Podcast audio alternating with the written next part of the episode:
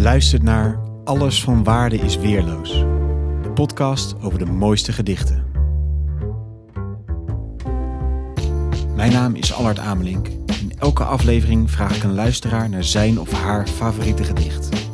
Zo bouwen we samen een kanon van de mooiste poëzie. In deze aflevering hoor de keuze van. Alain Verheij. Dag Alain, Hallo. wat leuk dat je meedoet aan deze podcast.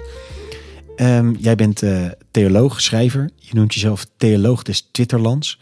Ja. Theologie gaat natuurlijk erg over de Bijbel. Hoe verhouden Bijbel en poëzie zich tot elkaar? Nou, er staat meer poëzie in de Bijbel dan je zou denken. Er zijn heel veel eh, generaties Bijbellezers opgegroeid zonder dat door te hebben. Kijk, de meesten weten wel, eh, het boek Psalmen bijvoorbeeld bestaat uit liederen, hè? dus eigenlijk liedteksten. Daarvan weten de meeste mensen wel, dat is poëzie. Maar het maakt nogal uit hoe je dat afdrukt. Eh, dus in korte zinnetjes elke keer eh, hè, vaak een entertje gebruiken. eh, of in één lap tekst achter elkaar. Als je dat laatste doet, één grote lap tekst achter elkaar, heeft niemand door dat het poëzie is die je tegenwoordig leest. En dat geldt vooral ook voor de teksten van de profeten bijvoorbeeld. Als je het hebt over Jesaja, Jeremia. die teksten, die staan ook allemaal in Hebreeuwse poëzie, in het origineel. En dat, daar worden we ons steeds meer van bewust. Dus dat is, eh, dat is grappig. De Bijbel is veel poëtischer dan, dan we wisten.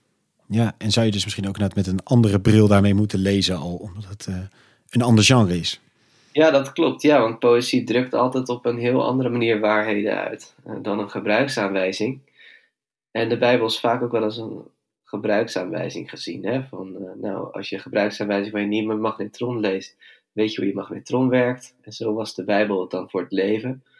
Eh, terwijl een, een, een stuk poëzie, dat is niet zo pragmatisch eh, toe te passen. Eh, terwijl er wel heel veel rijkdom in zit. Maar daar moet je wat langer op kouwen. En kun je het minder simplistisch op je leven toepassen. En dat geldt ook voor veel Bijbelteksten. Mooi. En heb je ook iets eh, Bijbelgerelateerds uitgekozen? Of? Nou, een beetje wel. Ja, er, komt, eh, er komen psalmen in voor. Eh, is dat de reden waarom dit gedicht mij ontroert? Ik heb gekozen voor eh, De Moeder de Vrouw van Martinus Nijhoff.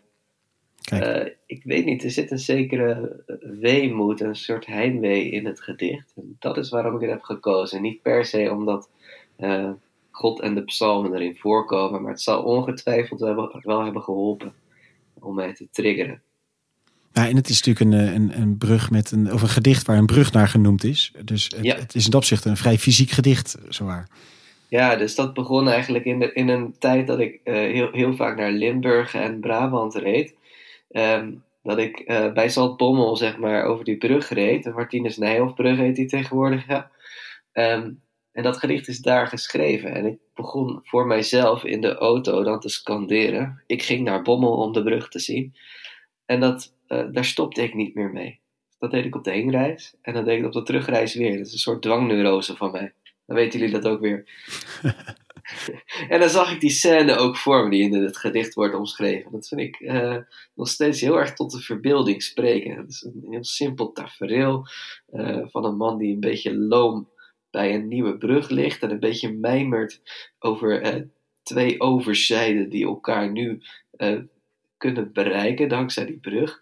En terwijl hij daar ligt te mijmeren, eh, komt er een schip voorbij waar een vrouw op staat die hem aan zijn moeder doet denken. Allemaal heel vrij geassocieerd en in zijn loomheid en alledaagsheid eh, ontzettend herkenbaar. En zit er een heel sterk gevoel in van, eh, van melancholie. Mooi. Ik ben benieuwd naar het gedicht.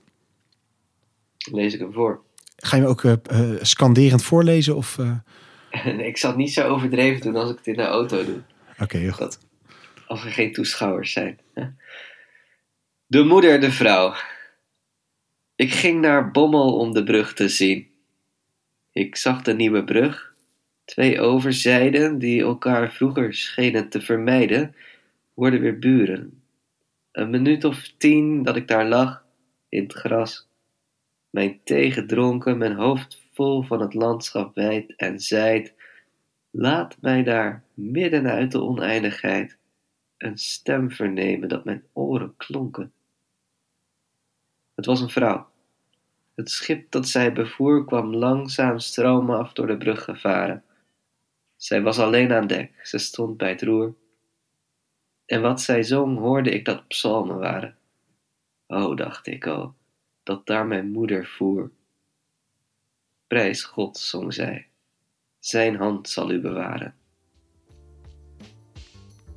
Dankjewel, Alain. Dankjewel.